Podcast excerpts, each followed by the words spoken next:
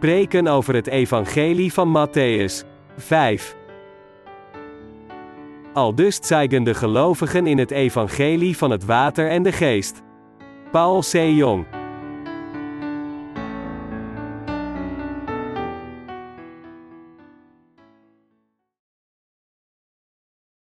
Bereid u voor op de wederkomst van de Heer. Matthäus 24 op 7-31. Want het ene volk zal tegen het andere volk opstaan, en het ene koninkrijk tegen het andere koninkrijk, en er zullen zijn hongersnoden, en pestilentien, en aardbevingen in verscheidene plaatsen. Doch al die dingen zijn maar een beginsel der smarten. Als dan zullen zij u overleveren in verdrukking, en zullen u doden, en gij zult gehaat worden van alle volken, om mijns naams wil. En dan zullen er velen geërgerd worden, en zullen elkander overleveren, en elkander haten. En vele valse profeten zullen opstaan, en zullen er velen verleiden. En omdat de ongerechtigheid vermenigvuldigd zal worden, zo zal de liefde van velen verkouden. Maar wie volharden zal tot het einde, die zal zalig worden. En dit evangelie des koninkrijks zal in de gehele wereld gepredikt worden tot een getuigenis allen volken, en dan zal het einde komen. Wanneer gij dan zult zien den gruwel verwoesting, waarvan gesproken is door Daniel, den profeet, staande in de heilige plaats, die het leest, die merken daarop. Dat als dan, die in Judea zijn, vlieden op de bergen, die op het dak is, komen niet af, om iets uit zijn huis weg te nemen, en die op den akker is, keren niet weder terug, om zijn klederen weg te nemen. Maar wee den bevruchten en den zogende vrouwen in die dagen. Doch bid, dat uw vlucht niet geschiede des winters, noch op een sabbat. Want als dan zal grote verdrukking wezen, hoedanige niet is geweest van het begin der wereld tot nu toe, en ook niet zal. En zo die dagen niet verkort werden, geen vlees zou behouden worden, maar om de uitverkorene wil zullen die dagen verkort worden. Als dan, zo iemand tot u lieden zal zeggen, ziet, hier is de Christus, of daar, gelooft het niet. Want er zullen valse Christussen en valse profeten opstaan, en zullen grote tekenen en wonderheden doen, alzo dat zij, indien het mogelijk waren, ook de uitverkorenen zouden verleiden. Ziet, ik heb het u voorzegd. Zo zijn dan tot u zullen zeggen: Ziet, hij is in de woestijn, gaat niet uit, ziet, hij is in de binnenkameren, gelooft het niet. Want gelijk de bliksem uitgaat van het oosten, en schijnt tot het westen, alzo zal ook de toekomst van den zoon des mensen wezen. Want alwaar het dode lichaam zal zijn, daar zullen de arenden vergaderd worden. En terstond na de verdrukking dier dagen, zal de zon verduisterd worden, en de naam zal haar schijnsel niet geven, en de sterren zullen van den hemel vallen, en de krachten der hemelen zullen bewogen worden. En als dan zal in den hemel verschijnen het teken van den zoon des mensen, en dan zullen al de geslachten der aarde wenen, en zullen den zoon des mensen zien, komende op de wolken des hemels, met grote kracht en heerlijkheid. En hij zal zijn engelen uitzenden met een bazuin van groot geluid, en zij zullen zijn uitverkorenen bijeen vergaderen uit de vier winden, van het ene uiterste der hemelen tot het andere uiterste derzelve. Er kwam een gedachte bij me op: hoeveel tijd vanaf dit moment zal er overblijven voor de rechtvaardigen om samen te komen en aanbidding te bieden? Ik denk dat ongeveer tien jaar voldoende zou moeten zijn. En ik maak me zorgen over hoe wij, de rechtvaardigen, zullen blijven volharden wanneer de verdrukking echt komt tot de tijd van de opname. Aan de andere kant ontstaat er ook een gevoel van dankbaarheid. Het is omdat ik heb nagedacht over het feit dat als we in leven zouden blijven tot de opname, we in staat zouden zijn om de glorie te proeven, van voor de Heer te verrijzen en te zijn veranderd zonder de dood te hebben ondergaan. Door te zeggen, ziet, ik zeg u een verborgenheid, wij zullen wel niet allen ontslapen, maar wij zullen allen veranderd worden, in een punt destijds, in een ogenblik, met de laatste bazuin, 1 Korintje 15 vers 51 tot 52, vertelde de apostel Paulus ons dat als we zouden blijven leven tot dat moment, we allemaal in een oogwenk veranderd zullen worden, opgenomen in de wolken om de Heer in de lucht te ontmoeten, 1 Thessalonicense 17 over 4. Daarom weet ik niet of ik tegen u moet zeggen dat u en ik in goede tijden zijn geboren of dat u en ik in slechte tijden zijn geboren. Het is omdat een geloofsleven geen theorie is, maar eerder een realiteit. Hoe zullen de rechtvaardigen het tien jaar volhouden? Het is van groot belang hoe wij, de rechtvaardigen, voor ongeveer tien jaar door geloof zullen leven. Wat ik tegen u zeg, is, dat zelfs als onze Heer niet binnen tien jaar komt, het zeer belangrijk voor ons is of we ons geloof nu ongeveer tien jaar leven in deze wereld die op weg is naar de vernietiging. Ik intimideer u niet. Op dit moment is de wereld het eens geworden over de Uruguay-ronde en gaat ze in de richting van wereldwijde economische integratie onder het mom van vrijhandel. Alle landen van de wereld zetten Korea onder druk om af te zien van het beschermende handelsbeleid en zich open te stellen voor landbouwproducten. Toen ik naar deze gebeurtenissen keek, begon ik te denken: ze zetten echt een show neer. Binnenkort zullen ze niet eens eten voor zichzelf hebben, maar toch maken ze zoveel opschudding om Korea hun eten te laten kopen. Met een wereldwijde hongersnood van ongeveer 2 tot 3 jaar, zal de voedselvoorraad de bodem bereiken en zullen allen verhongeren. Maar ondanks dergelijke omstandigheden, waarom zouden ze naar een zwakker land komen het bedreigen en opschudding veroorzaken om hun voedsel te laten kopen? Op een gegeven moment drong Gorbachev, een politiek leider van de voormalige Sovjet-Unie, vooruit met het openen van de voormalige Sovjet-Unie en de hervorming ervan onder het mom van perestroika. Gorbachev bevond zich toen in hoge populariteit, maar ik was er toen zeker van dat Gorbachev zeker omvergeworpen zou worden en dat zijn beleid nooit zou worden ondersteund. De Bijbel zegt dat de koning van het noorden Israël zal binnenvallen aan het einde van het tijdperk, Daniel 11 vers 13. Het is niet logisch dat Rusland, een land dat binnenkort zo zal zijn, klaar staat voor elke democratie en politieke hervorming. Dat land is fundamenteel zeer gewelddadig en oorlogzuchtig. Hoewel het land de Unie had ontbonden en zichzelf in verschillende onafhankelijke natiestaten had verdeeld, en hoewel het schreeuwt om hervormingen, zullen de natiestaten later met elkaar vechten en uiteindelijk zullen ze weer verenigd worden. Die natiestaten zullen weer als één bij elkaar komen en dan oorlog voeren tegen heel de wereld. Een land dat dit zou kunnen doen, is de voormalige Sovjet-Unie.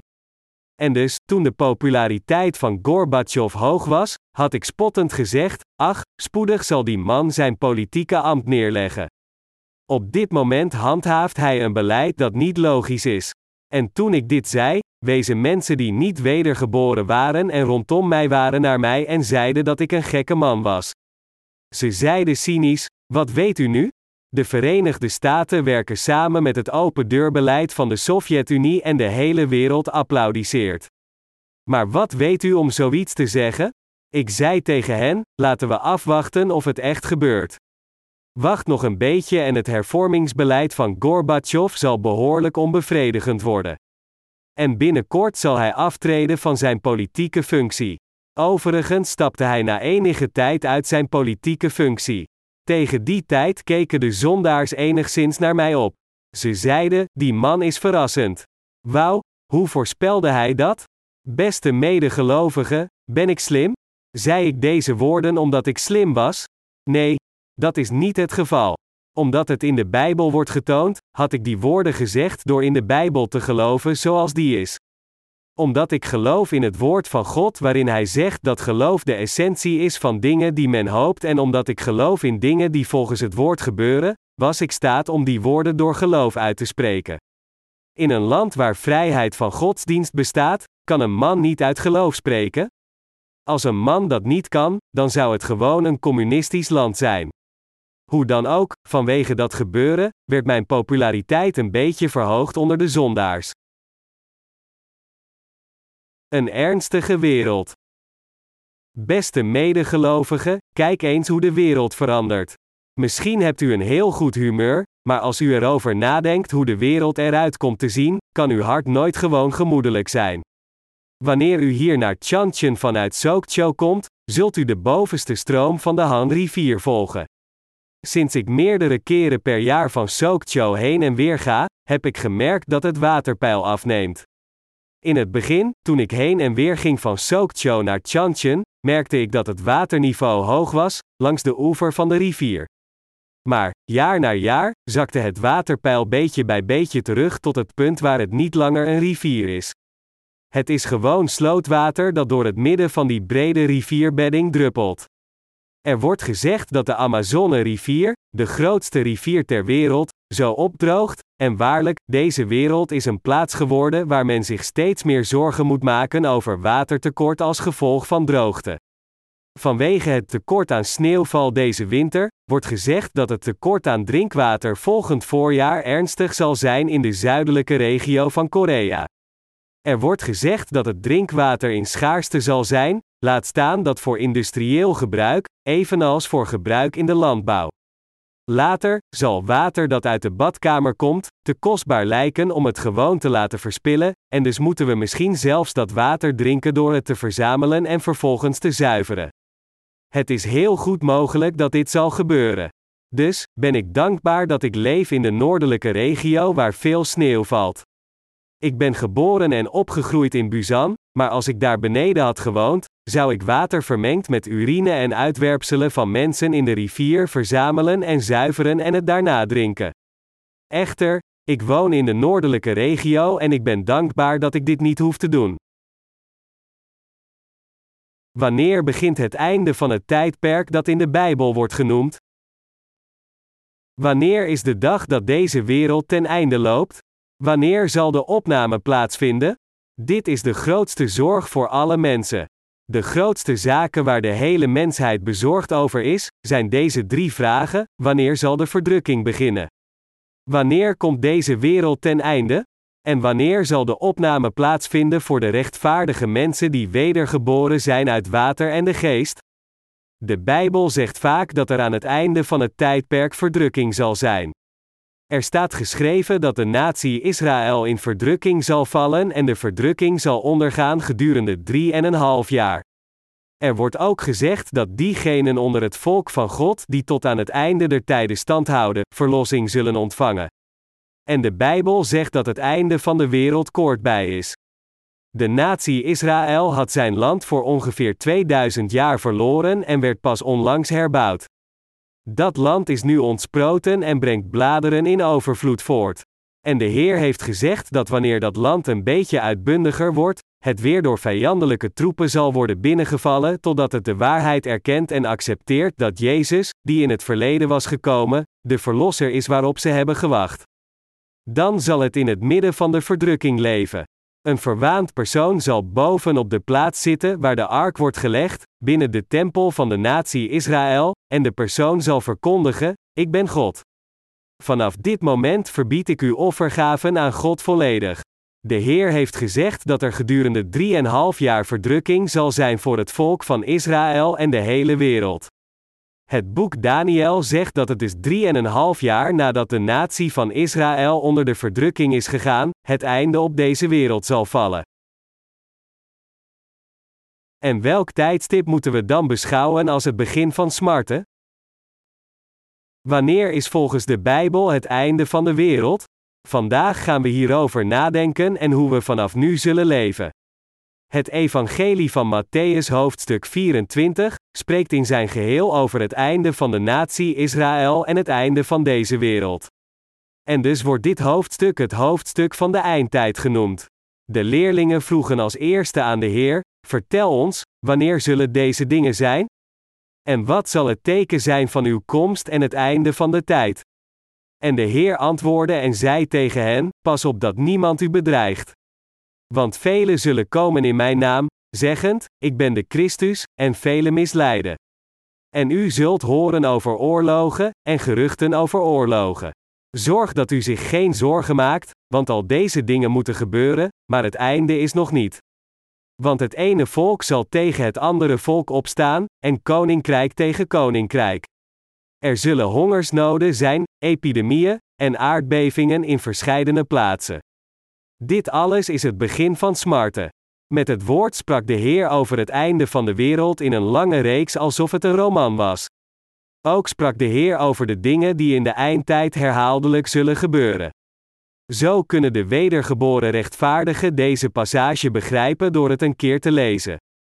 Met andere woorden, er wordt gezegd dat de vernietiging de zonen van de duisternis zal overvallen als een dief, maar alle zonen van het licht, niet slapend, zullen waken en nuchter zijn voor die dag. 1 Thessalonicense 5 op 4 5.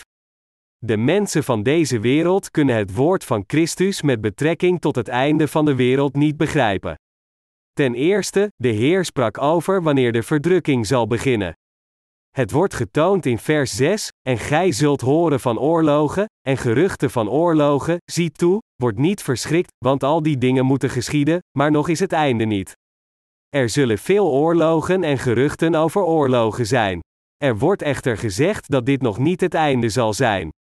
In de versen 7 en 8 wordt gezegd: Want het ene volk zal tegen het andere volk opstaan, en het ene koninkrijk tegen het andere koninkrijk, en er zullen zijn hongersnoden, pestilentien en aardbevingen in verscheidene plaatsen. Doch al die dingen zijn maar een beginsel der smarten. Beste medegelovigen, in de toekomst zullen volkeren opstaan tegen volkeren, het ene koninkrijk tegen het andere koninkrijk, en er zullen hongersnoden, epidemieën en aardbevingen zijn. Binnenkort zal de wereldlijke hongernood verslechteren. En landen zullen allianties creëren en met elkaar vechten. Om zijn land te verdedigen, moet het kernwapens bezitten. Wanneer oorlogen doordringen, zullen de zwakkere landen die geen kernwapens bezitten, verpletterd en vernietigd worden door de sterkere landen. Zelfs als de machtige landen geen gebruik maken van militaire macht door handelsoorlogen, zullen zij de zwakkere landen verslinden. Met behulp van het WTO-systeem dat is ingesteld tijdens de Uruguay-ronde, zullen alle machtige landen pachten sluiten die gunstig zijn voor hen en proberen zwakkere landen te domineren. Mensen zeggen dat de globalisering voordelig is, maar dat is niet altijd goed. Met de afronding van de globalisering zal de wereld één worden en een absolute koning zal opstaan. En op het einde zal hij iedereen dwingen het teken van 666 te ontvangen. Met andere woorden, deze wereld schreeuwt nu om globalisering om het einde te bereiken. Oorlogen uit landen en volkeren die tegen elkaar vechten worden gecategoriseerd als een kunstmatige ramp, maar wat kunnen we doen aan de rampen veroorzaakt door de natuur, dat willen zeggen hongersnoden en aardbevingen? Over de hele wereld neemt het aantal hongersnoden en aardbevingen toe. Momenteel sterven zoveel mensen door hongersnood. Niet zo lang geleden, toen Ethiopische en Somalische vluchtelingen op tv werden vertoond, moet u beelden van kinderen in hongersnood hebben gezien met hun buik uitpuilend door buikwaterzucht. Toen ik deze kinderen met hun dikke buiken zag, werd ik herinnerd aan mijn jeugd. Toen ik jong was, had ik nauwelijks iets te eten vanwege een voedseltekort, en dus had ik een figuur vergelijkbaar met die kinderen. Het was vlak na de Koreaanse oorlog, 1950 tot 1953, en het hele land lag in puin. Het was heel moeilijk om te overleven. Als men wat eetbaar gras uit een veld plukt en het een hele tijd in een pot kookt met een handje vol rijst, krijg je een pap van gras dat dun en licht is. Mijn moeder nam er wat van, deed dit in een pot en roerde erin. Ik kon het aantal rijstkorrels erin tellen. Er zaten wat rijstkorrels en eetbare wilde groene bladeren in, maar de rest was gewoon water. En dus, ongeacht hoeveel ik ook at, had ik altijd honger. Ik kon eten en eten om mijn honger te bevredigen, maar als ik probeerde op te staan, kon ik dat niet vanwege het vele water in mijn buik. En dus om op te staan, moest ik steun zoeken aan de eettafel. De uitpuilende buik leek vol, maar omdat het gevuld was met water, waar geen voeding in zit, had ik nog steeds honger. Dat is waarom, als ik deze Somalische kinderen met hun dikke buiken zie, ik in staat ben te begrijpen hoe hongerig ze zijn. Veel zondaars zullen sterven door hongersnood. In de toekomst zullen het niet alleen de Somaliërs zijn die aan hongersnood sterven, maar er zullen veel mensen over heel de wereld aan hongersnood sterven. Er zullen ook overal aardbevingen plaatsvinden. Gisteren is er een zware aardbeving geweest in Japan. Ik hoorde het nieuws van Pastor Kim, en er wordt gezegd dat ten minste 2500 mensen zijn gestorven en dat het aantal gewonden meer dan 4000 is. Deze aardbeving was zwaar, meer dan 7 op de schaal van Richter. Er werd veel verlies geleden, huizen zijn ingestort, wegen waren verwoest en de spoorlijnen werden uit elkaar gerukt. Japanners zijn trots op het bouwen van de stevigste bouwconstructies van de wereld. Maar heel veel gebouwen waren ingestort door de aardbeving. Pastor Kim zei dat het aantal doden nog zou toenemen omdat ze nog niet al de mensen onder het puin hadden uitgegraven. Rond deze tijd vorig jaar was er een zware aardbeving in Los Angeles, Californië, USA. Amerikaanse geologen voorspellen dat er in de nabije toekomst een grootschalige aardbeving zal plaatsvinden in het westen van de VS. Geologen kunnen uitzoeken hoe zwaar een aardbeving zal zijn en wanneer hij ongeveer zal plaatsvinden, gebaseerd op informatie over de structuren van de continentale platen en hun bewegingssnelheid. De recente aardbeving in Japan was gebaseerd op drie opeenvolgende schokken. Er waren meer verliezen omdat sterke naschokken kort na de eerste beving hadden plaatsgevonden. Dus, wat we het meest vrezen, is de komst van hongersnoden en aardbevingen op wereldwijde schaal. Hongernoden en aardbevingen zijn enger dan oorlogen.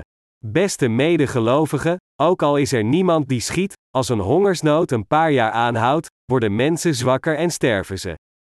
Wat ik wil zeggen is dat er een tragische tijd komt dat mensen gewoon zullen sterven omdat geen voedsel is, zelfs als ze zouden worstelen om te leven.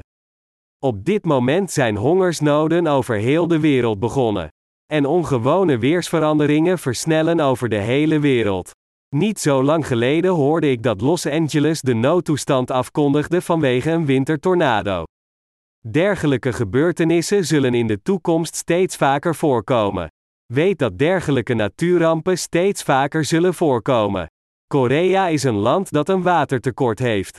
Veel mensen begrijpen de ernst van watergebrek niet. Echter, als ik naar de televisie kijk, dan zie ik hoe ernstig het is. En als u de reservoir om u heen ziet uitdrogen, zult u waarschijnlijk de ernst ervan begrijpen. We beschouwen het serieuzer omdat er in de Bijbel staat dat dergelijke dingen aan het einde van het tijdperk in deze wereld zullen plaatsvinden. Onze Heer heeft gezegd dat er aan het einde van dit tijdperk zulke dingen zullen gebeuren. Hij zegt dat zodra de calamiteiten beginnen, het ene volk tegen het andere volk zal opstaan, en het ene koninkrijk tegen het andere koninkrijk. Hij zegt ook dat hongersnoden en aardbevingen op verschillende plaatsen zullen voorkomen. Wat meer is, hij zegt dat dit het begin der smarten is. Omdat de Heer zei dat dit het begin der smarten is, zijn ze zeer ernstig. Natuurlijk zijn er sinds het begin aardbevingen op deze aarde geweest en die bestaan nog steeds. Met andere woorden, aardbevingen zijn er altijd geweest. Het punt is echter dat vanaf nu overal ter wereld aardbevingen zullen plaatsvinden. Sinds kort zijn er zelfs in Korea aardbevingen geweest, een regio die naar verluid nauwelijks aardbevingen had. Er zijn magma's die onder de aarde stromen en er is gerapporteerd dat er een verandering in hun stroom is geweest. Er zijn zoveel afwijkingen in het weer dat tyfoons zelfs in de winter voorkomen. Alleen al in Korea zijn er veel grote afwijkingen in het weer. De Heer heeft gezegd dat als er regelmatig hongersnoden en aardbevingen op deze aarde zijn, wees gewaarschuwd dat zij het begin der smarten zijn. Wat het betekent is dat dit het begin van de verdrukking zou zijn. Frequente gebeurtenissen van calamiteiten zijn de waarschuwingssignalen van de komende verdrukking. God drukt op de waarschuwingssirene en zegt: Vanaf dit moment zal er de verdrukking zijn, en in die tijd zullen zich op verschillende plaatsen hongersnoden en aardbevingen voordoen en vele oorlogen. Wanneer de calamiteiten zich voordoen, zal er een alarm afgaan, wat betekent dat de verdrukking naar deze wereld is gekomen. Alle levende wezens hebben de macht om van tevoren de komst van natuurrampen te kennen en instinctief ermee om te gaan. Wanneer u naar de kust gaat, zijn er wormachtige wezens die havenpissebedden worden genoemd. Ze lijken nogal vreemd. Havenpissebedden zijn wezen die aan de kust leven en zich voeden met het vlees van dode dieren. Deze wezens leven tussen de rotsen aan de kust of op een kiezelbed. Maar op sommige dagen kun je zien dat deze havenpissebedden omhoog gekropen zijn naar de velden die 10 meter van de kust af liggen. Als volwassenen dit fenomeen zien, dan zeggen ze dat er binnenkort een vloedgolf zal zijn. Ze zeggen: luister goed, mijn kind. Vanaf vandaag, ga niet in de zee. Er zal een vloedgolf aan de kust zijn. Nee, wat bedoelt u met een vloedgolf? De zee is zo rustig. Hoe kan er nu een vloedgolf zijn? Luister goed naar me. Weet dat er een vloedgolf zal komen als ik zeg dat er een komt. Wacht gewoon een dag of twee. Kijk of hij komt of niet ongeacht of de zee rustig is of niet. Het lijkt alsof het een meer is. In feite is de zee heel rustig voordat een vloedgolf komt. Maar over twee of drie dagen begint de zee plotseling te bewegen, het stroomt en kantelt. Grote golven zetten de zeebodem op zijn kop. Golven van 5 tot 10 meter hoog en vloedgolven komen aan land. Beste medegelovigen, mensen kunnen de vloedgolf niet zien aankomen, maar hoe kan het dat dergelijke onbeduidende wezens dit weten voordat wij mensen het weten?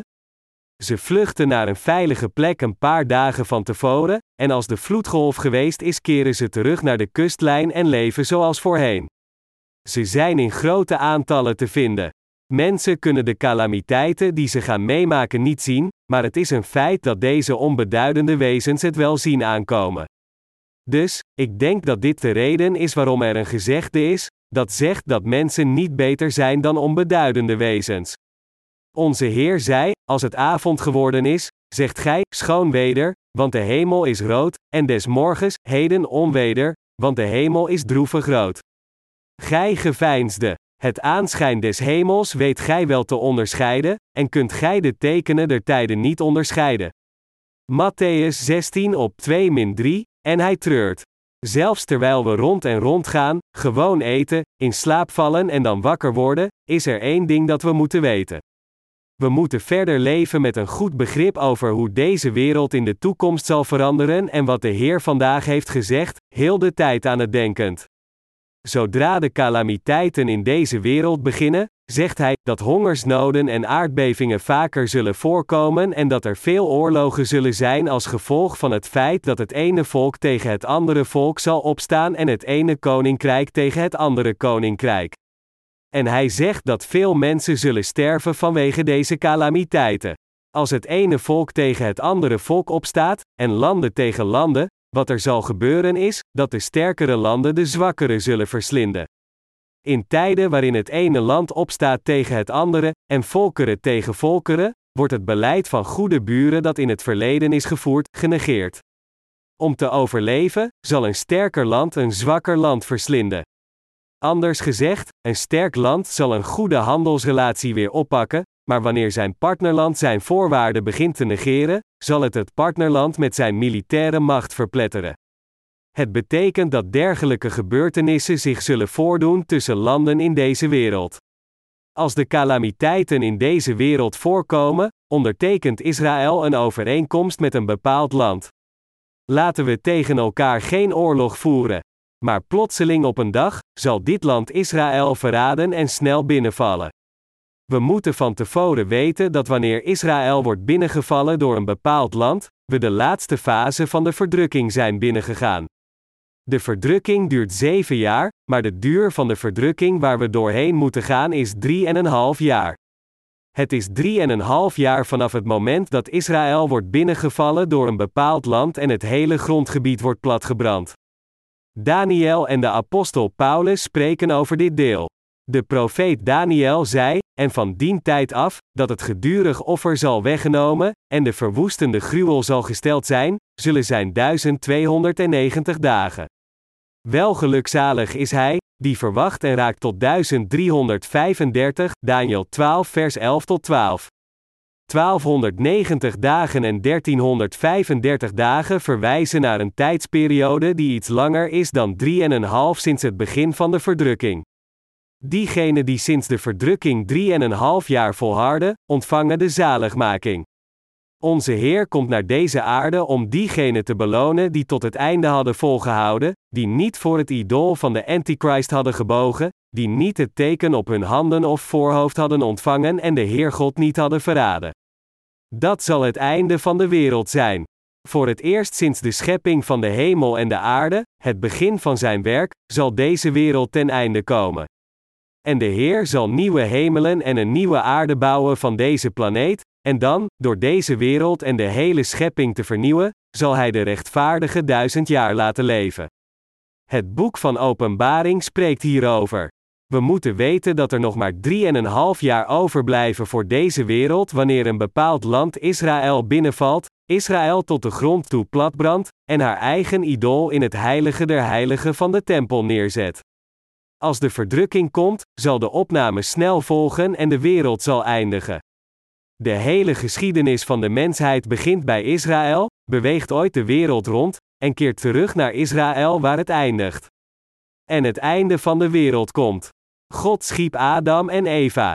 Door hen wedergeboren te laten worden door het evangelie van het water en de geest, schiep hij de afstammelingen van geloof. Beginnend met Adam, stond God zijn afstammelingen toe te floreren en liet de afstammelingen van geloof, zoals Seth, Enoch, Methuselah, Noach en Abraham, op deze aarde blijven. Ook ontvouwde hij door zijn rechtvaardige mensen de geschiedenis van deze wereld.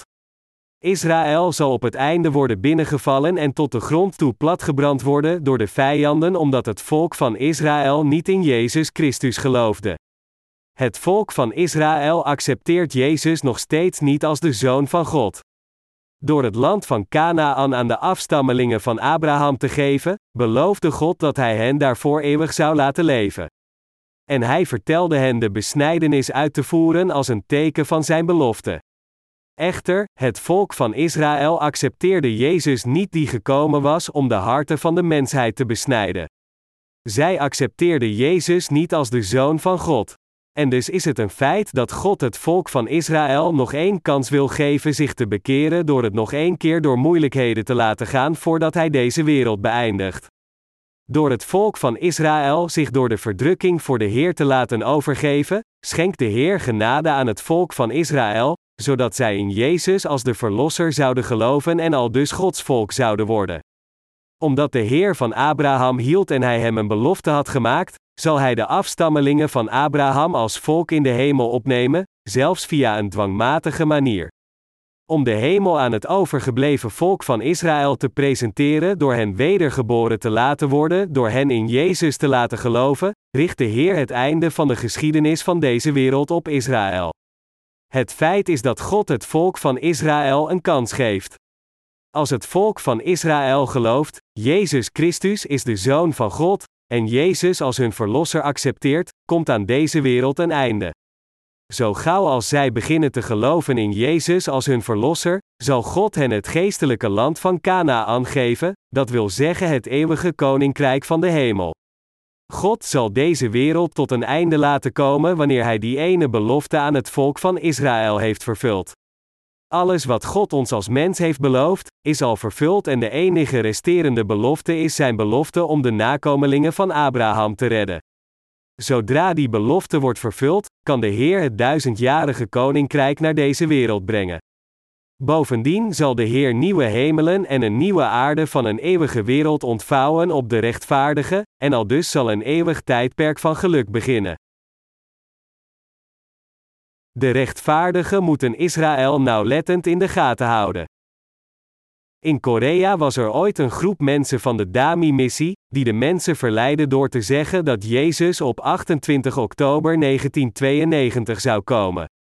Om te zeggen dat Jezus zou komen ondanks het feit dat Israël nog niet was overvallen door een ander land, was niets meer dan een uitzinnige uiting uitgesproken uit onwetendheid over de Bijbel. Tegen diegene die beweerde dat Jezus 28 oktober 1992 zou komen, zei ik: Hoe kan iemand die beweert geloof in Jezus te hebben zo onvoorzichtig zijn? Kent u de Bijbel dan niet? Gelooft u dat zonder de kennis van de geschiedenis van Israël? Wat zegt God in de Bijbel over het einde van de wereld? De reden waarom God het volk van Israël tot op de grond moet verbranden, staat allemaal in de Bijbel, maar u weet de reden niet.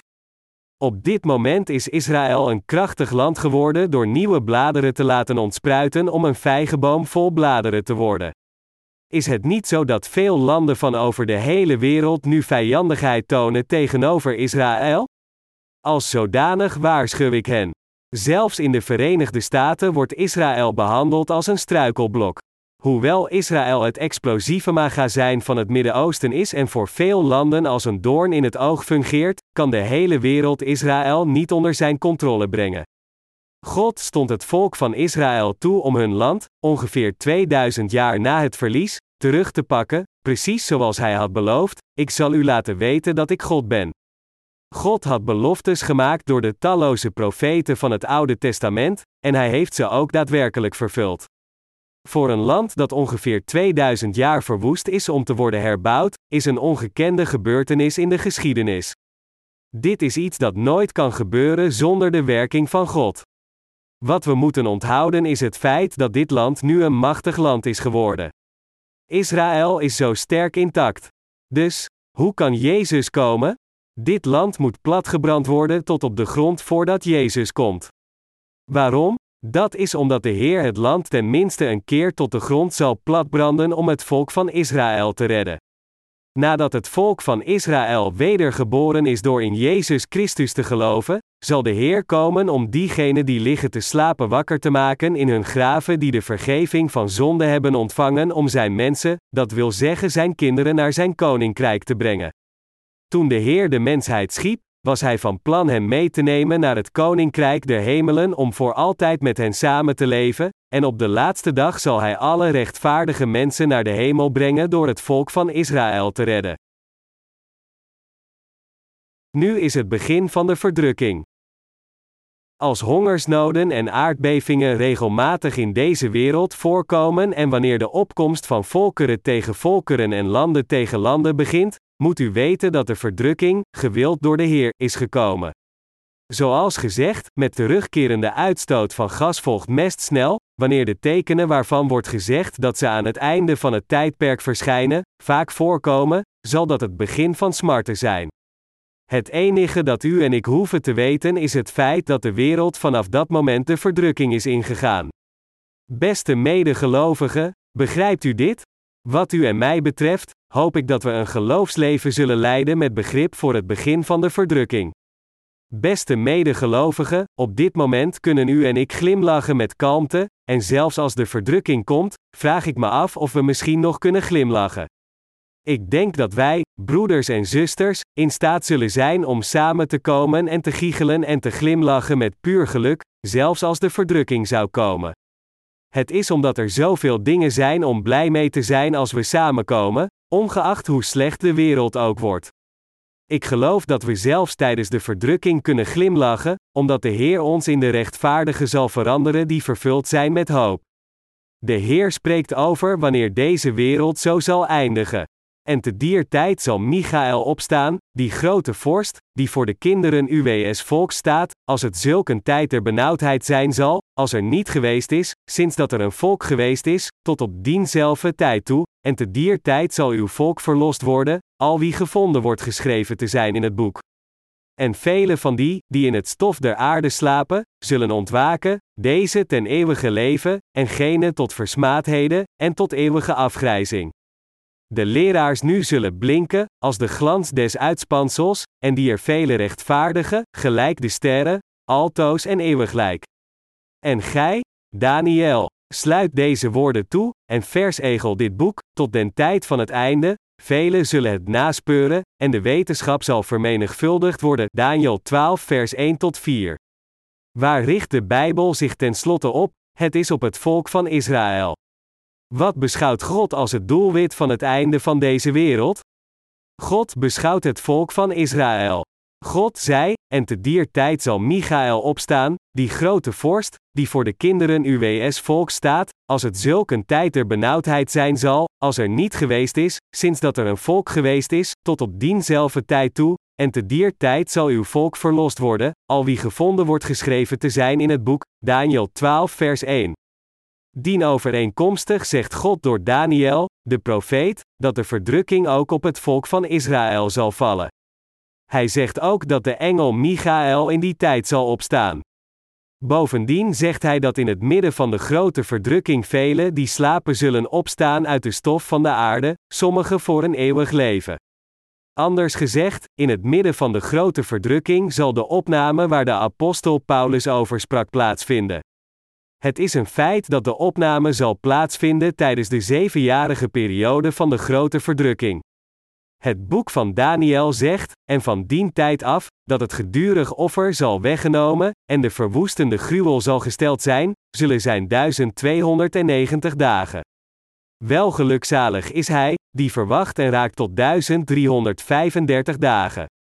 Maar gij, ha henen tot het einde, want gij zult rusten, en zult opstaan in uw lot, in het einde der dagen. Daniel 12 vers 11 tot 13.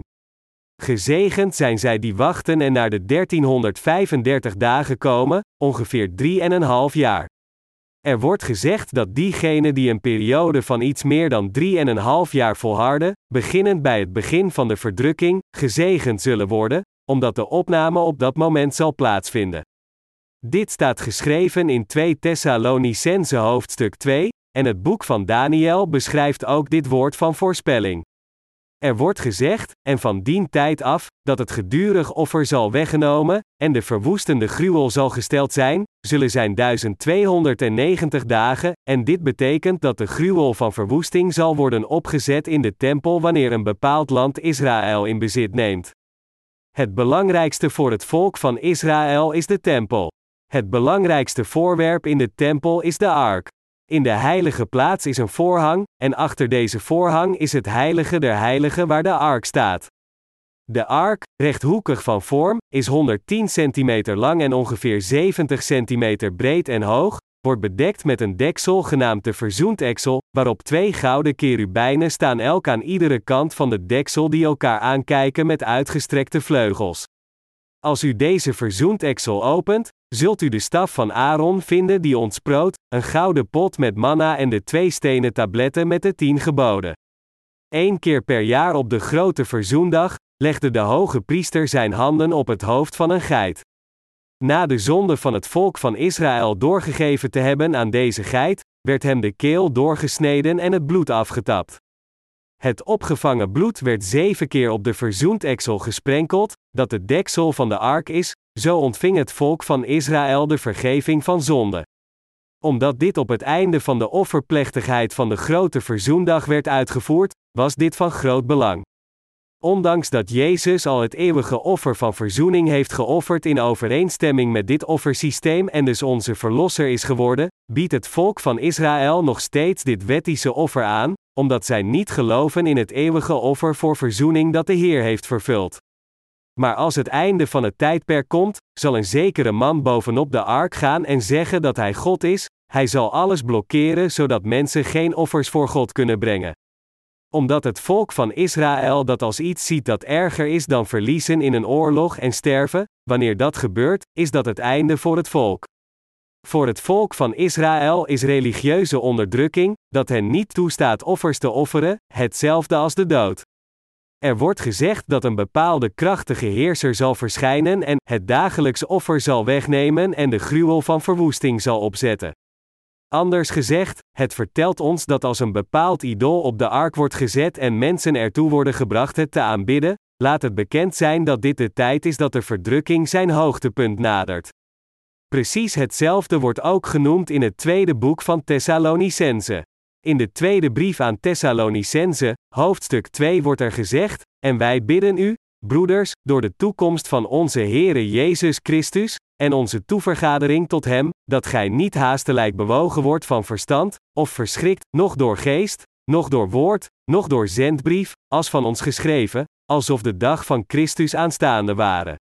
Dat u niemand verleiden op enigerlei wijze, want die komt niet, tenzij dat eerst de afval gekomen zij, en dat geopenbaard zij de mens der zonde, de zoon des verderfs, die zich tegenstelt, en verheft bovenal wat God genaamd, of als God geëerd wordt, alzo dat hij in den tempel Gods als een God zal zitten, zichzelf vertonende, dat hij God is 2 Thessalonicense 2 op 1 min 4.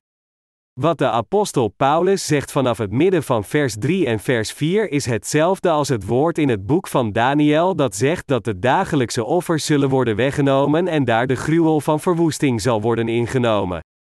Hier in 2 Thessalonicense hoofdstuk 2, vers 4 wordt er gezegd, die zich tegenstelt, en verheft bovenal wat God genaamd, of als God geëerd wordt, alzo dat hij in den tempel Gods als een God zal zitten, zichzelf vertonende, dat hij God is.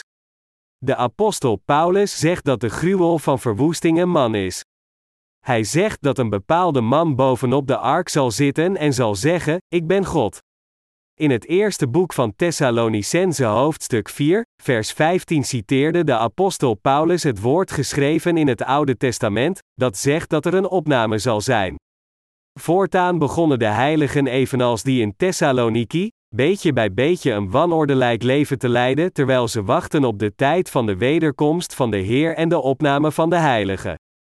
En dus zei de apostel Paulus verder, dat eerst het wegvallen zal zijn, dan zal Israël binnengevallen worden, en dan zal iemand bovenop de ark van de Israëlische tempel gaan om zichzelf te tonen als God. En na dat alles, zei hij dat de opname van de rechtvaardige zal plaatsvinden. Het is dus een feit dat de opname van de rechtvaardige zal plaatsvinden tijdens de verdrukking van het volk van Israël. Begrijpt u dit? Theologen verkondigen meestal de opnametheorie voor de verdrukking. Ze zeggen dat alle heiligen door de opname zullen gaan en weggenomen zullen worden voor de grote verdrukking op deze wereld valt. Bovendien zijn er mensen die de opnametheorie na de verdrukking verkondigen. Al deze argumenten zijn echter ongegrond. Men moet spreken door zich te baseren op de Bijbel, en dus, als iemand ongegrond beleidt en gelooft in de opname, dan is het zo dat deze persoon een dwaas is. De opname zal plaatsvinden in het midden van de grote verdrukking, dat wil zeggen het zal net voorbij het midden van de zevenjarige verdrukking plaatsvinden. Het zal plaatsvinden tijdens de verdrukking van het volk van Israël. In 1 Thessalonicense hoofdstuk 4 vers 15 tot en met 18 wordt er gezegd: Want dat zeggen wij u door het woord des Heren, dat wij, die levend overblijven, zullen tot de toekomst des Heren, niet zullen voorkomen degene die ontslapen zijn. Want de Heere zelf zal met een geroep, met de stem des archangels, en met de bazuin Gods nederdalen van den hemel, en die in Christus gestorven zijn, zullen eerst opstaan, daarna wij, die levend overgebleven zijn, zullen tezamen met hen opgenomen worden in de wolken, den Heere tegemoet, in de lucht, en alzo zullen wij altijd met den Heere wezen. Zo dan, verroost elkander met deze woorden. Beste medegelovigen, de Heer zei dat Hij naar deze aarde zal afdalen met een schreeuw, met de stem van een archangel en met de bazuin van God. Wanneer zou de tijd zijn voor de tweede komst van Jezus? Er staat geschreven dat als het volk van Israël leidt in de verdrukking, onze Heer in het midden zal afdalen heel zijn glorie met de stem van een archangel tonend, en met het explosieve geluid van de bazuin van God, zodat Hij ons kan laten zien wie Jehovah God is. De Bijbel vertelt ons dat hoewel de Heer in zijn eerste komst geboren werd in een kribbe, de Heer in zijn tweede komst zal afdalen met al zijn majesteit.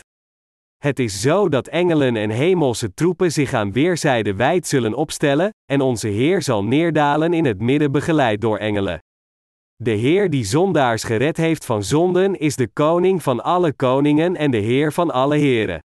Alle dingen van het universum zijn door onze Heer geschapen. Er is geen enkel ding dat niet geschapen werd door de Heer. Onze Heer ontving zelfs de macht van het oordeel van God de Vader. De Heer ontving ook de macht om oordeel te vellen en de redding te geven. Hij ontving elke autoriteit. De Heer is de koning van alle koningen, de Heer van alle heren, de koning van rechtvaardigheid, de koning van de vrede en de koning van wijsheid. En zoals er wordt gezegd dat een dergelijke Heer zal komen, wanneer zal dat zijn? Wanneer komt Hij voor de tweede keer? Hij zal komen op het moment dat het volk van Israël zich midden in een ondraaglijke verdrukking bevindt. Op dat moment zal de Heer de heiligen onder ons die wedergeboren zijn die het eerst waren gestorven wakker maken, dat wil zeggen de rechtvaardigen die in hun graven sliepen. Toen onze Heer aan het kruis stierf, was het geen feit dat vele graven zich geopend hadden, in die tijd kwamen sommige heiligen die in hun graven waren naar buiten als de levenden. De doden kwamen weer tot leven en liepen rond. En ze droegen getuigenis van hun verrijzenis, Matthäus 27 op 52-53. Het feit is dat de Heer ons al had laten zien dat de opname in de toekomst zou plaatsvinden. Het is het geval dat Hij ons van tevoren had laten zien dat de heiligen die in hun graven slapen in de toekomst weer tot leven zullen komen. Hoe weten we wanneer de Heer zal komen? En hoe kunnen we het einde van deze wereld voorzien? Hoe kunnen we de opname en het einde van deze wereld van tevoren voorspellen? We moeten begrijpen dat de tijd voor de rechtvaardigen om opgenomen te worden door de opname nabij is wanneer het volk van Israël in de verdrukking valt. Als er iets over Israël op televisie is, dan kijk ik altijd aandachtig. Op dit moment is Israël bezig met onderhandelingen met de omliggende Arabische landen. Het volk van Israël sluit een overeenkomst met Jordanië en een vredesverdrag met PLO. In het verleden waren ze ondenkbaar, maar nu tekent Israël, indien mogelijk, overeenkomsten met haar omringende landen. Israël is een goedhartig land geworden. Als ik af en toe de televisie aanzet, wordt een man met een korte gestalte genaamd premier Rabin getoond.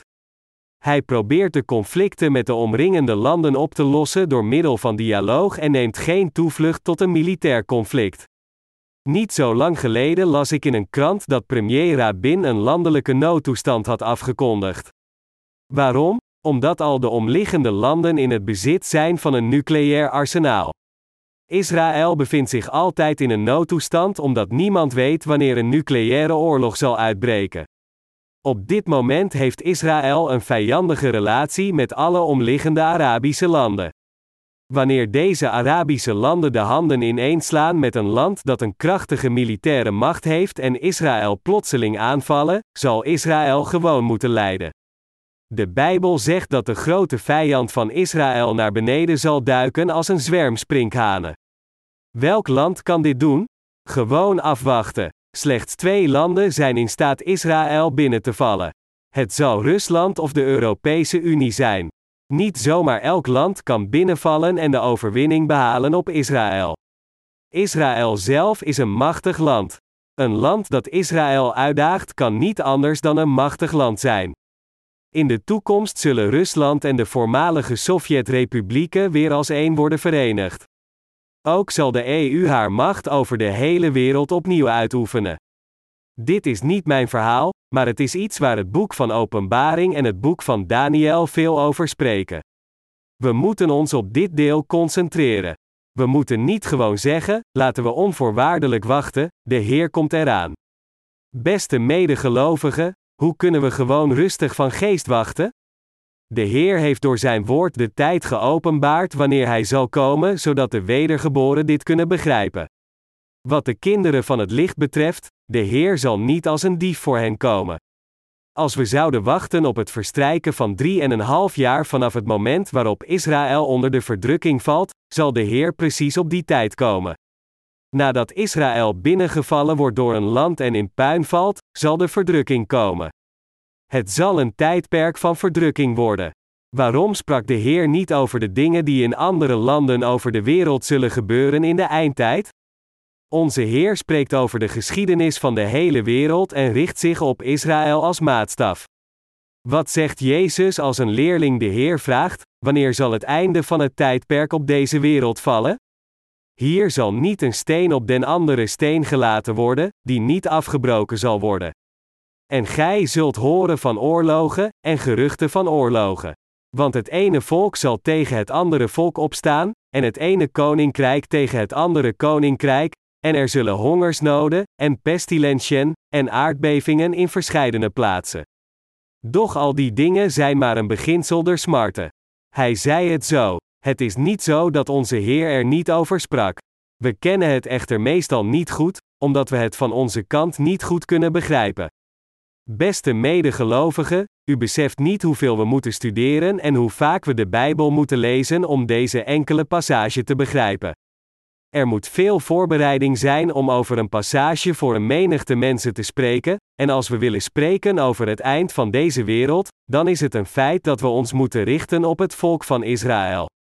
Als het land wordt binnengevallen en geruïneerd wordt, dan zal de verdrukking beginnen, en vanaf dat moment als we drie en een half jaar wachten zal de Heer komen. Dit wordt vermeld in het boek van Daniel. De calamiteiten zijn al begonnen in deze wereld. Zal de wereld vredig zijn als Israël wordt verzwolgen door een vijandig land? Dat is niet het geval. De wereld eindigt. In het boek van Openbaring wordt er gezegd dat een derde van de bomen zullen verbranden. En er wordt gezegd dat water in bloed zal veranderen. Dit betekent dat mensen niet in staat zullen zijn water te drinken. Zo zullen alle voorwaarden van de wereld vervallen en alle mensen sterven. Het wordt een wereld waarin u niet zou willen leven. Als dit gebeurt, dan hoeven de rechtvaardigen alleen maar te wachten op de tweede komst van Jezus. Toch moeten we, in plaats van lukraak te wachten, zien wat er in de toekomst met Israël zal gebeuren, en we moeten in de waarheid geloven dat er precies drie en een half jaar over zijn voor de wederkomst van de Heer zodra Israël de oorlog verliest van een bepaald land. Als deze dingen in Israël gebeuren en we dan nog twijfelen en zeggen: Nou, een oorlog is altijd iets dat men kan winnen of verliezen, en ons geloof niet voorbereiden, dan zal het te laat zijn. Als Israël wordt binnengevallen, zal de persoon die dit land in beslag neemt diegene zijn die de hele wereld heeft ingenomen, en die persoon zal de Antichrist zijn die door Satan de duivel wordt gebruikt om de hele wereld te beheersen. De duivel laat mensen voor zijn afgod in de tempel buigen en geeft macht aan deze afgod. De duivel snijdt en richt een afgod op, en door het macht te geven, laat de duivel de afgod spreken. En de Antichrist dood, zonder uitzondering, iedereen die niet voor zijn afgod buigt. En dan zullen de dienaren van de duivel, die zich overal bevinden, iedereen zoeken en doden die zich niet aan de duivel willen onderwerpen. Al die mensen doden die zich niet onderwerpen aan de duivel, dat is de wet van de duivel. Om mensen te controleren, plaatsen de dienaren van de duivel het teken van het beest op de rechterhand van de mensen of op hun voorhoofd. En diegenen die niet het teken hebben, hen wordt niet toegestaan iets te kopen of te verkopen. Openbaring 13, vers 16 tot 17. Dat is de laatste calamiteit. Er staat geschreven in het boek van Openbaring dat al diegenen die niet zijn wedergeboren de dienaren van de duivel zullen worden door voor de afgod te buigen en het teken op hun hand of hun voorhoofd te ontvangen, diegenen van wie de naam geschreven staat in het boek van leven zullen het martelaarschap leiden omdat ze tot het eind weigeren het teken te ontvangen vanwege hun geloof in God omdat de verdrukking zal komen en mensen van deze wereld allemaal botweg tegen God zullen staan, zal God komen om oordeel over deze wereld te vellen. Het is een feit dat de Heer persoonlijk naar deze aarde zal komen. Op dat moment zal het volk van Israël dat niet voor afgoden had gebogen en het merkteken tot dat moment niet had ontvangen, in de Heer geloven en voor God worden verheven. Eigenlijk is het volk van Israël geloviger in geloof dan wij. Voor hen is er maar een God. Dus kunnen zij niets anders aanbidden dan Jehovah God. Omdat ze al eindeloos pijn hebben geleden omdat ze zoveel afgoden hadden aanbeden, doen ze niet langer meer dingen als het aanbidden van afgoden. Omdat ze goed thuis zijn in het woord van God, weten ze ook dat Jehovah God de God is die hen heeft toegestaan hun land terug te vorderen. Ze geloven in en volgen dezelfde God die David had geloofd als de God die hen had gered. Daarom moeten we onze geest volledig verzameld houden. Totdat Israël binnengevallen wordt en er iets angstigs gebeurt in dat land, moeten de rechtvaardigen hun gedachten volledig verzamelen. Als de tijd komt, weet dat de dag van de opname nabij is en laat ons niet nadenken over trouwen of over uithuwelijken. Onze Heer heeft gezegd: weet diegenen die zwanger zijn in de tijd van de verdrukking. Hij vertelt ons de tijden te kennen en niet na te denken over een huwelijk als iets dergelijks gebeurt met het volk van Israël. Maar het is beter om te trouwen als u geneigd bent dit te doen waarvan u verteld wordt het niet te doen en op het punt staat gek te worden omdat u wilt trouwen. Echter, vergeet niet dat u moet verder leven met geloof, wetend dat er maar drie en een half jaar over zijn van de wereld vanaf het moment dat dergelijke dingen gebeuren. Als deze tijd komt, bent u misschien niet in staat het woord van de Bijbel te horen omdat diegenen die in God geloven gedood worden en een grote samenkomst niet toegestaan wordt door de overheid. Wanneer zal de opname plaatsvinden? Ik hoop dat u zich het feit realiseert dat de opname zal plaatsvinden tijdens de grote zevenjarige verdrukking. DWZ zodra het volk van Israël de pijn van vernietiging leidt, Laat het bekend zijn dat de dag is gekomen en dat we ons geloof tot het einde moeten houden met het geloof dat als we maar een beetje zouden doorstaan, we voor de Heer zouden gaan zonder de dood te hebben geproefd. En zo sprak ik tegen onze medewerkers. Ik zei tegen hen dat als we in deze tijd een beetje zouden doorstaan, we de glorie zullen proeven en calamiteiten op het volk van Israël zullen vallen. Ik zei ook tegen hen dat calamiteiten op deze wereld zullen vallen, calamiteiten die mensen niet kunnen verdragen als mensen zullen overal ter wereld voorkomen. God zal diegenen die tegen hem in zijn gegaan doden door calamiteiten en rampen in dit tijd toe te staan. Israël wordt binnengevallen en de handeling van het offeren van offers aan God in de tempel om God te aanbidden wordt verboden, en er wordt gezegd dat het aantal dagen voor die periode verstrijkt 1290 zal zijn. Dat is ongeveer 3,5 jaar, niet waar? Als we nog wat langer wachten, zal Jezus komen voordat 1335 dagen voorbij zijn. Daarom, als er mensen van Israël zijn die tot die tijd kunnen wachten, dan zullen ze als gezegend worden beschouwd. Wat ons betreft, zelfs als we niet 1335 dagen wachten, komt het einde in die periode. Dan is de vraag hoe we 3,5 jaar zullen wachten cruciaal voor ons. Hoe zullen we 3,5 jaar volhouden? En terwijl ik nu met u spreek over het einde van deze wereld, zeg ik u vanaf dit moment dat de rampen al in deze wereld zijn begonnen. Ik wil u vertellen dat het tijdperk van smarten in deze wereld is begonnen en dat het aftellen naar het einde van het tijdperk is begonnen. Nu moeten we dit verifiëren door het woord, en als het het geval is dat we dit geloven, moeten we nadenken over wat we moeten doen. Moeten we wachten op de verdrukking door gewoon stil te zitten?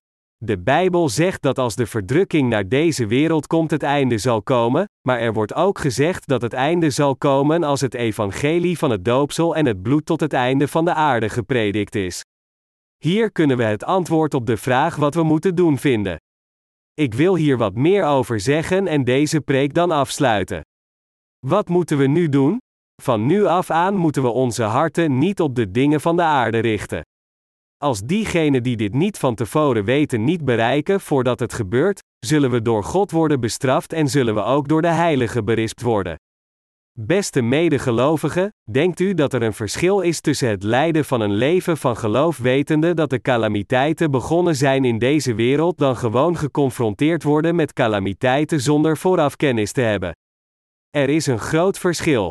Het is omdat als u zou blijven leven zonder enige voorbereidingen in uw hart, het moeilijk voor u zou zijn om het geloof tot het einde toe te behouden. Dit is iets wat ik u moet vertellen omdat u niet in moeilijkheden kunt raken en moeite hebt om het geloof te behouden.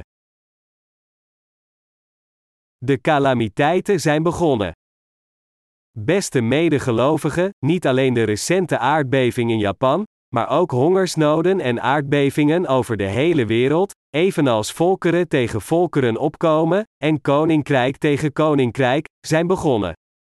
Onze Heer zei in het Evangelie van Matthäus hoofdstuk 24 vers 7, dat dit het begin van smarten is. En het is een feit dat dit woord vandaag voor u en mij is uitgekomen. Net zoals het Evangelie in uw harten is gekomen, hoop ik dat u zich realiseert dat het begin van smarten vandaag voor u en mij begonnen is. Begrijpt u dit? Ik heb u dit duidelijk gezegd. Klaag later niet, Pastor Jong heeft ons dat niet gepredikt. Dat heb ik u zeker gezegd. Als het geval is dat er nog veel tijd over is voor deze wereld, dan hoeven we alleen maar een leven van geloof te leiden gedurende onze hele levensduur, en tot God te komen wanneer de Heer ons beveelt om te komen, slapen wanneer Hij ons beveelt ergens een beetje te slapen. De reden waarom ik dit zeg, is echter dat de tijd waarin u en ik leven in werkelijkheid niet veel tijd meer over heeft en de tijd voor onze Heer om alles te vervullen wat Hij heeft beloofd, is heel dichtbij. Wanneer dat wat er moet gebeuren gebeurt, moeten we het rustig onder ogen kunnen zien door het van tevoren te weten en ons erop voor te bereiden.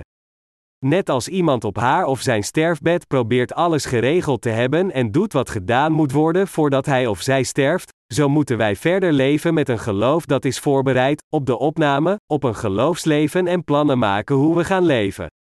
We moeten ons geloof naar behoren leven door te weten welke dingen geregeld moeten worden en hoe we een geloofsleven kunnen leiden. We zullen niet sterven als we zo hebben geleefd. Gedurende onze tijd zal er een grote omwenteling op deze aarde plaatsvinden. Om het eenvoudiger te maken, ik zeg dat het einde van de wereld zal komen, net zoals mensen zich altijd zorgen hebben gemaakt. Binnenkort zullen in deze wereld grote natuurrampen plaatsvinden waarvan mensen alleen gehoord hebben. Wat denkt u over deze huidige wereld? Denkt u dat dit het begin van smarten is of denkt u nog steeds dat dit niet zo is? Wat zijn uw gedachten? Wat mij betreft, ik denk dat de calamiteiten begonnen zijn. Hoewel we ons realiseren dat dit het begin van smarten is, Als we het niet precies in het woord aangeven, zouden we dat feit gewoon vergeten, en als de verdrukking arriveert, dan zouden we ons gewoon uit verwarring onderwerpen aan de menigte van de Antichrist. Ik geloof dat de Heer zal komen. Maar als ik u hierover moet vertellen op een manier die u begrijpt, is het een feit dat zelfs als de Heer niet voor tien jaar komt, deze aarde in de periode van tien jaar zoveel veranderingen heeft ondergaan dat mensen er niet langer in kunnen leven. Ik zeg niet dat het milieu volledig onbewoonbaar zal worden, maar ik zeg eerder dat de mensen zelf niet kunnen overleven vanwege zoveel natuurrampen en eindeloze gevechten van oorlogen en epidemieën. Maar de Heer verkort die ondoorgrondelijke verdrukking een beetje, in plaats van het tot het einde toe uit te voeren. Voor wie doet Hij dat? Hij doet dit voor Zijn uitverkorenen. Hij verkort de periode van verdrukking voor u en mij. Hij doet dit omdat het erop lijkt dat we niet tot het einde kunnen volharden. Ook richt hij zich weer op het volk van Israël. Hij zei: Doch bid, dat uw vlucht niet geschiede des winters, nog op een sabbat, Matthäus 10 voor half 1 avonds. Maar waarom zei hij dit? Het is omdat het volk van Israël nooit erg ver op de sabbat moet lopen. Samen met dat zei hij ons dat we moesten bidden dat zulke dingen niet in de winter mogen zijn, omdat de Heer weet dat wanneer de winter komt op een moment dat we het moeilijk hebben door calamiteiten, we nog meer pijn zouden hebben. Aan het einde van het tijdperk zal God zich het meest zorgen maken om niemand minder dan het volk van Israël. Het allerlaatste dat God voor het volk van Israël zal doen, is hen te redden. Vanaf dit moment moeten de rechtvaardigen hun hoop niet op de dingen van de aarde stellen. Als u echt gelooft in de terugkomst van de Heer, zult u uw hart niet op de dingen van de aarde richten. Maar als u niet in Hem gelooft, dan zult u uw verwachtingen op de dingen van de aarde richten en in hen investeren. In plaats van te investeren in de dingen van de aarde, investeer in de hemel die niet zal wegrotten. Hiermee zeg ik niet dat u geld aan mij moet doneren, maar ik zeg dat u in het kostbare werk van de Heer moet investeren in plaats van in de werken op deze aarde die geen vruchten dragen. Beste medegelovigen, de meest dwaze persoon is iemand die dingen die op aarde zijn koestert, maar ze vervolgens allemaal verliest aan calamiteiten zonder er zelfs maar één van te hebben gebruikt. Word niet zo'n dwaas persoon. U moet wijs zijn. Als we slechts met 500 dollar naar Yambien, China zouden gaan, kunnen we daar ongeveer 70 mensen inhuren om een week te werken. We kunnen 70 mensen inhuren als huishoudsters en tegen hen zeggen: veeg de vloer. En de kamer zou schoon zijn. Dan zeggen we tegen hen: leg daar wat kussens en ga zitten. Nu gaan we beginnen met het werk. Pak een Bijbel en open deze op een bepaalde passage. Nu zal ik u wat dingen vertellen. Het is uw werk om te luisteren naar de dingen die ik vanaf vandaag tegen u zeg. En dat is in feite 70 mensen bijeenbrengen en het evangelie aan hen prediken. Omdat we ze zeven dagen kunnen gebruiken, kunnen we ze de vergeving van zonde laten ontvangen door ze zeven dagen met het woord te voeden. Er wordt gezegd dat 100 dollar een half jaar salaris waard is voor mensen in dat land die niet over specifieke vaardigheden beschikken en die ingeschreven staan voor fysieke arbeid. Daarom wil ik geld in dat soort dingen investeren. En we kunnen uw materiële middelen daar ook investeren. Als de Heer over zeven jaar naar deze aarde komt, wat zult u op dat moment doen? Als het zo is dat de verdrukking vanaf nu al is begonnen, wat moeten we ondertussen dan doen? Het enige wat we moeten doen, is proberen goed te leven met wat we nog hebben en dan toegewijd te zijn aan het verspreiden van het evangelie. Maar als we blijven werken op onze werkplekken, dan moeten we het evangelie dienen met materiële middelen die we uit het werk halen, en we moeten het werk verrichten van het oogsten van die zielen die overblijven door te investeren in de verspreiding van het evangelie, al die materiële middelen die Gods werkers hebben gespaard door zuinigheid. U en ik moeten het werk van de verspreiding van het evangelie over heel de wereld uitvoeren. We moeten al onze inspanningen in dit werk steken zodat wij het evangelie aan iedereen kunnen verspreiden, niet allen diegenen in Korea, maar ook diegenen over de wereld. Hoe gebruiken we wat we hebben voordat we naar Hem toe gaan? Beste medegelovigen, voer uw taken op het werk trouw uit. Wat betreft diegenen die het evangelie prediken, wees trouw aan de verspreiding van het evangelie. Sinds het einde van het tijdperk korter bij komt, moet u nog trouwer uw plichten uitvoeren. Ik heb al zoveel gedaan, dus ik hoef niets meer te doen. Zo mag u niet denken. Er is gezegd dat het einde zal komen als het evangelie over heel de wereld gepredikt is. Als u materiële voordelen nodig zijn bij de verspreiding van het evangelie, wees dan ijverig in het verdienen van geld en verzamel uw schat in de hemel. Een dom persoon investeert zijn leven in de dingen van de wereld als er wordt gezegd dat er nog maar ongeveer zeven of tien jaar overblijven in deze aarde. Maar een wijs persoon, tenminste als de persoon het gelooft, investeert zijn dingen in het werk dat een groot aantal zielen kan redden. Beste medegelovigen, in Yambien, China, kan de temperatuur in de winter zakken naar min 40 graden Celsius. Maar als iemand een elektrische verwarming zou kopen en deze zou gebruiken, dan heeft men het niet koud. Zolang als we geld hebben, zullen onze medewerkers als ook onze broeders en zusters geen ontberingen hebben. Het is dus noodzakelijk wijs te leven en het geld in dienst van het evangelie te gebruiken. We moeten het geld verstandig gebruiken. We zullen echt naar Jambien gaan en dat uitvoeren wat we u verteld hebben. We gaan contact opnemen met een uitzendbureau en zeggen: We zijn op zoek naar 70 mensen die we voor een week kunnen huren. Dan zullen we aan die 70 mensen die ze ons hebben gestuurd loon geven. En een week lang intensief het woord aan deze 70 mensen prediken. Zou het niet fijn zijn om een week lang bij ons te werken?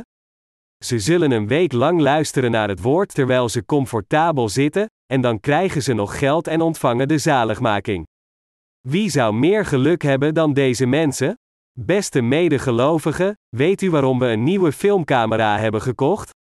Ik vind het niet fijn om gefilmd te worden, maar toch hebben we een filmcamera gekocht. We hebben het gekocht om het evangelie te verspreiden.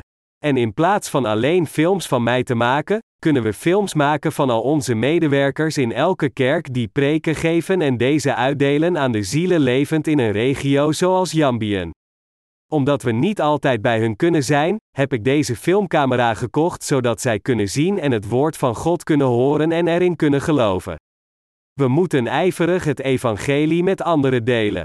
We moeten nadenken over hoe we tot het einde van dit tijdperk zullen leven, en we moeten de resterende dagen zinvol leven. Ik tel de dingen die ik vanaf nu moet doen. Ik denk vaak dat het goed zou zijn om de materiële middelen die we hebben zo te gebruiken voor de verspreiding van het evangelie. Eerlijk gezegd, is er een kerk die het ware evangelie predikt behalve ons in Korea? Nee, die is er niet. Zelfs in Korea zijn er veel plaatsen waar de kerk gebouwd moet worden. Beste medegelovigen, er zijn veel kapellen in Korea, maar er is er niet een die het ware evangelie predikt. En er zijn zoveel mensen die gestorven zijn zonder het evangelie gehoord te hebben. Zelfs nu, weet u niet hoeveel mensen nog nooit van het evangelie van het water en de geest hebben gehoord. Ik zou graag het evangelie aan hen willen prediken, en ik hoop dat velen van u zullen opstaan als werkers die de Heer volledig willen dienen. Wat u allen betreft, richt u niet op aardse dingen maar op de hemel. Het einde van het tijdperk zal zeker komen. Wat uw heilige betreft, wijd u alstublieft ijverig aan uw levensonderhoud. Sinds het einde dichterbij komt, moet u loyaal blijven aan het werk waar u verantwoordelijk voor bent. Met niet veel tijd meer, als u uw hart op onbeschaamde dingen zou richten, zou uw redding een zinloze zaak kunnen worden. Er wordt gezegd dat aan het einde van het tijdperk de Heer de goddelozen zal scheiden van de rechtvaardigen en hun deel zal toewijden aan de huigelaars, Matthäus 13 voor 2 smiddags min 50. Eén talent ontvangend, diegene die het in de grond had verstopt in plaats van een handel in het evangelie aan te gaan, is de goddeloze. Naarmate het einde van het tijdperk dichterbij komt, maakt geen licht van het samenkomen. Kom samen in de kerk en verenig met de kerk. Dat is de manier voor u en ik om ons geloof te houden tot de dag dat de Heer zal komen.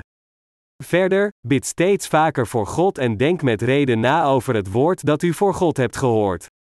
In plaats van te beweren dat u een begrip hebt bereikt na visioenen te hebben gezien, terwijl u met uw ogen dicht hebt gebabbeld in een poging om in tongen te spreken, denk na over het woord dat u met reden hebt gehoord. En zet dan uw geloof in uw hart. Maak dan plannen voor uw geloofsleven met betrekking tot hoe u gaat leven. En met deze plannen, ga naar uw spirituele leiders en overleg met hen. Wat uw studenten betreft, studeer alstublieft hard. Studenten moeten het evangelie aan hun vrienden verspreiden terwijl ze ijverig studeren, en kantoormedewerkers moeten het evangelie verspreiden aan hun collega's terwijl ze voor het bedrijf werken. Wat uw ondernemers betreft, sponsor alstublieft het evangelie terwijl u uw zaken ijverig uitvoert. En wat uw missiemedewerkers betreft, gebruik alstublieft uw materiële middelen volledig voor de verspreiding van het evangelie en wijd uw hart en uw energie toe aan die missie. Beste medegelovigen, gelovige mensen moeten niet het werk doen van het investeren van veel materiële middelen in aardse zaken. Als u materiële middelen bezit, dan moet u ze investeren in de verspreiding van het evangelie. Dit jaar zal de kerk proberen de regio van Yambien in China binnen te gaan om het evangelie daar te prediken. U moet uw harten allemaal verenigen en nadenken over wat u kunt doen om het rechtvaardige werk van het evangelie in Yambien te verspreiden, en u moet echt besluiten om de rest van uw leven volledig voor het evangelie te werken. U allemaal, plaats alstublieft niet uw hart in aardse zaken, maar laten we liever leven met ons hart gericht op de hemel.